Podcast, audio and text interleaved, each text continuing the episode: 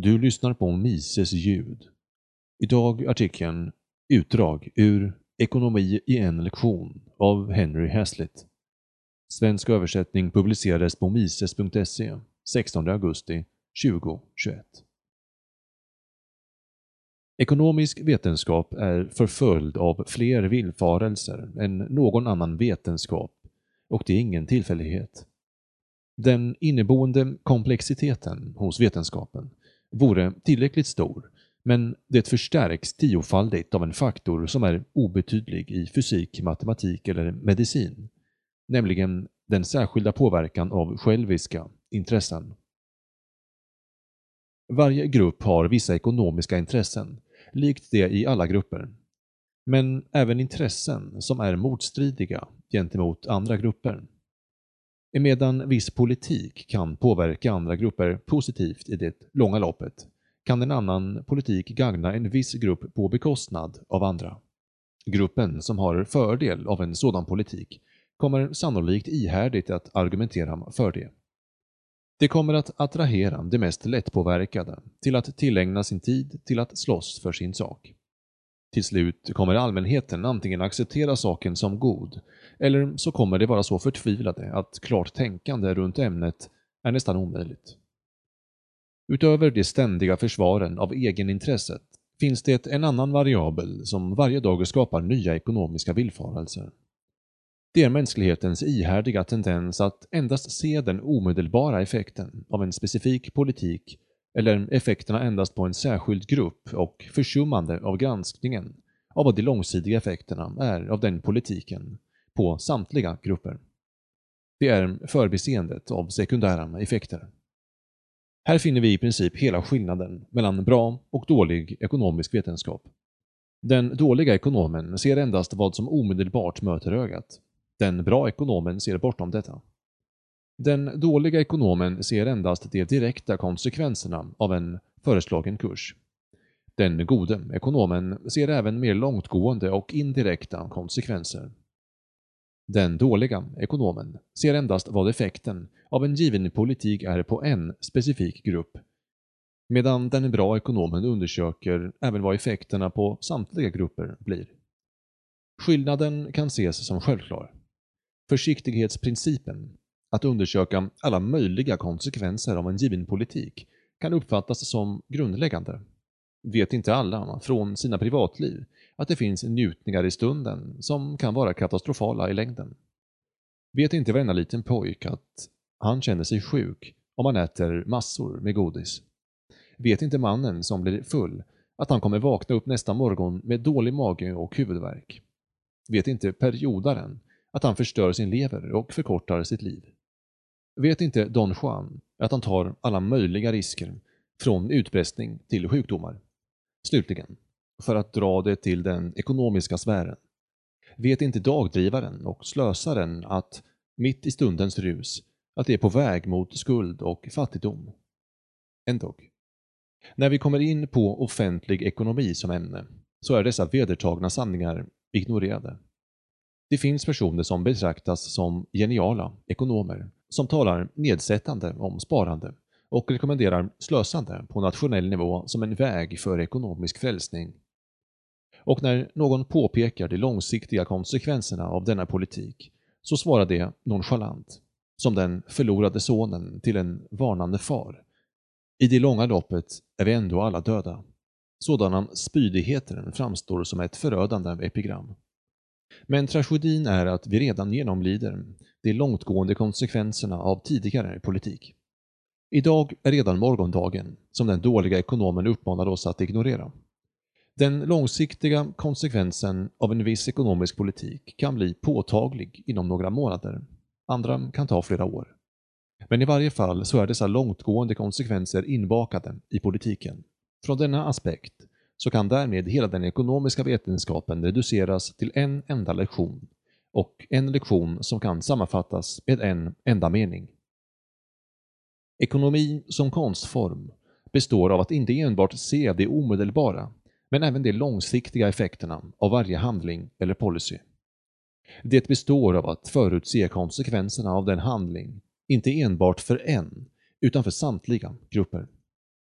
Nio tiondelar av de ekonomiska villfarelser som orsakar skada i världen idag är resultatet av förbiseendet av denna lektion. Dessa villfarelser härstammar från en av de två centrala felaktigheterna, eller båda. Att endast se de omedelbara konsekvenserna av en handling eller förslag och att endast se konsekvenserna för en specifik grupp och förbise de övriga grupperna. Det är även sant att det motsatta felet är möjligt. När en policy ska beaktas så bör man inte fokusera enbart på det långsiktiga resultatet på samhället som helhet. Detta är ett fel som ofta görs av de klassiska ekonomerna. Det resulterar i en slags hjärtlöshet mot en grupp som omedelbart drabbas av politik eller genomförandet som visade sig vara långsiktigt fördelaktiga på ett netto. Men relativt få människor idag begår detta misstag och det består främst av professionella ekonomer. Det mest förekommande misstaget som återkommer i varje ekonomisk debatt, felet som återfinns i tusentals politiska tal, ordklyveriet i ny ekonomi, är att koncentrera sig på kortsiktiga effekter av politik på särskilda grupper och ignorera eller förminska långsiktiga effekter på samhället i stort. Nya ekonomer snickrar sig själva med att detta är något gott. Nästan en revolutionär fördel över de klassiska eller ortodoxa ekonomernas metoder. För att det förstnämnda tar kortsiktiga effekter i beaktande, som det sistnämnda förbisåg. Men genom att förbise eller förminska de långsiktiga effekterna gör de betydligt allvarligare misstag. De ser inte skogen i deras analys i undersökning av träden. Deras metoder och slutsatser är ofta reaktionära. De är ibland överraskade att de befinner sig i samma läger som 1600-talets merkantilister. De går i samma fallgropar som de klassiska ekonomerna, som vi alla hade hoppats att vi kommit över. Tyvärr presenterar dåliga ekonomer sina felaktigheter till allmänheten bättre än vad bra ekonomer presenterar sina sanningar. Det klagas ofta att en agitator enklare kan få framlägga sitt ekonomiska nonsens än de uppriktiga männen som försöker påvisa vad som är fel med det.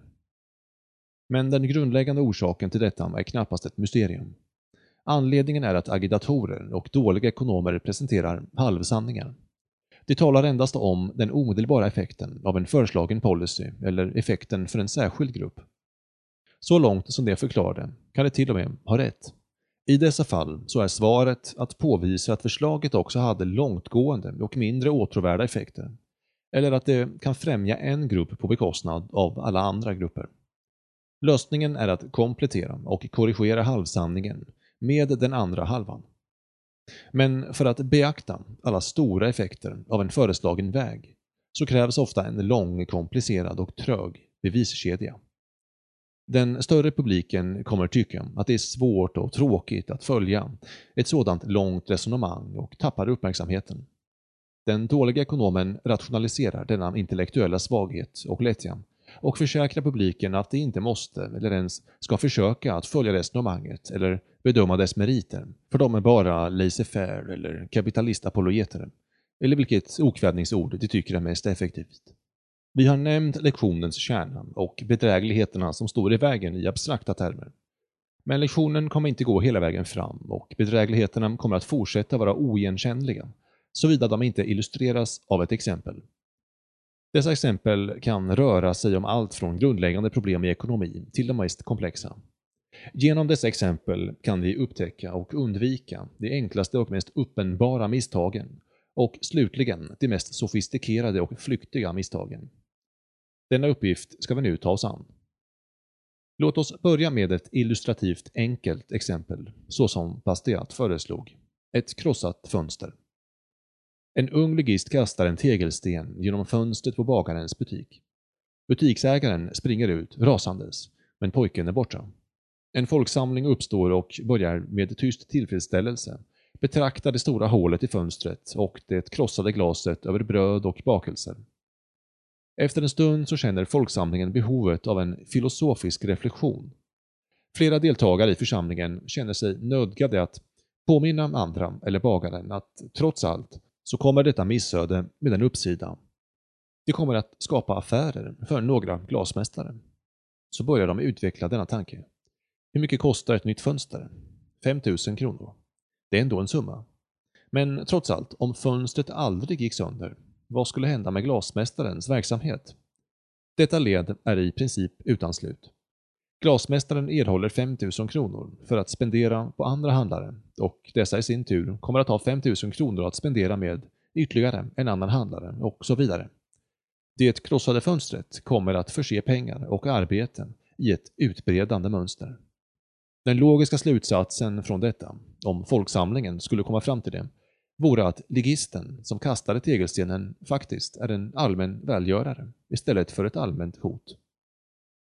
Men låt oss undersöka detta närmare. Folksamlingen har rätt i sin första slutsats.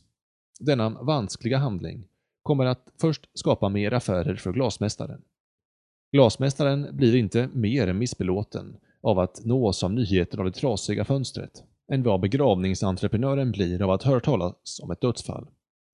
Men butiksägaren kommer sakna 5000 kronor som han planerat att lägga på en ny kostym.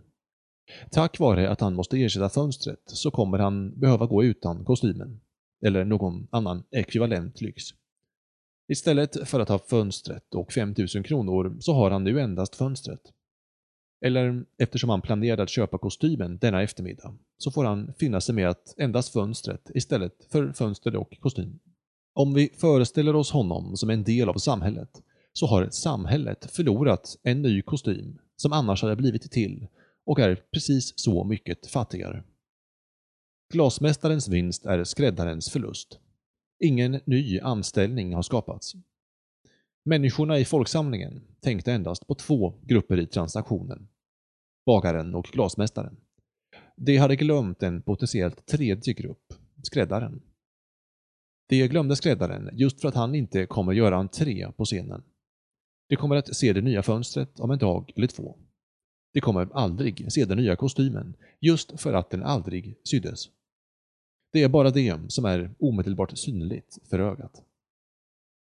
Vi har redogjort för det krossade fönstret, en grundläggande villfarelse.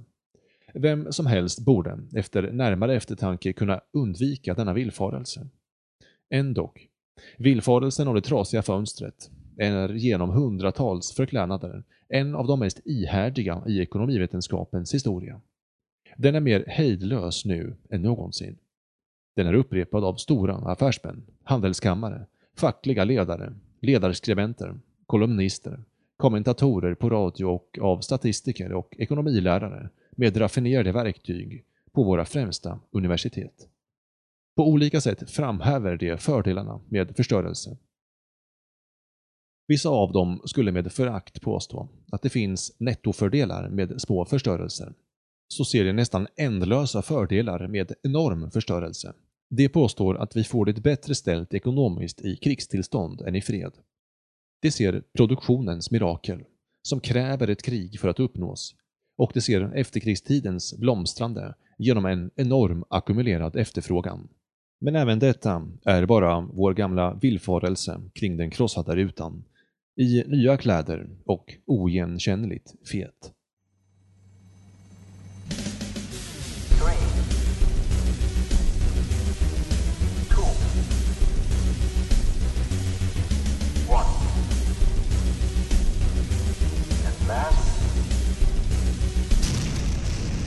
your trust in politics and political parties.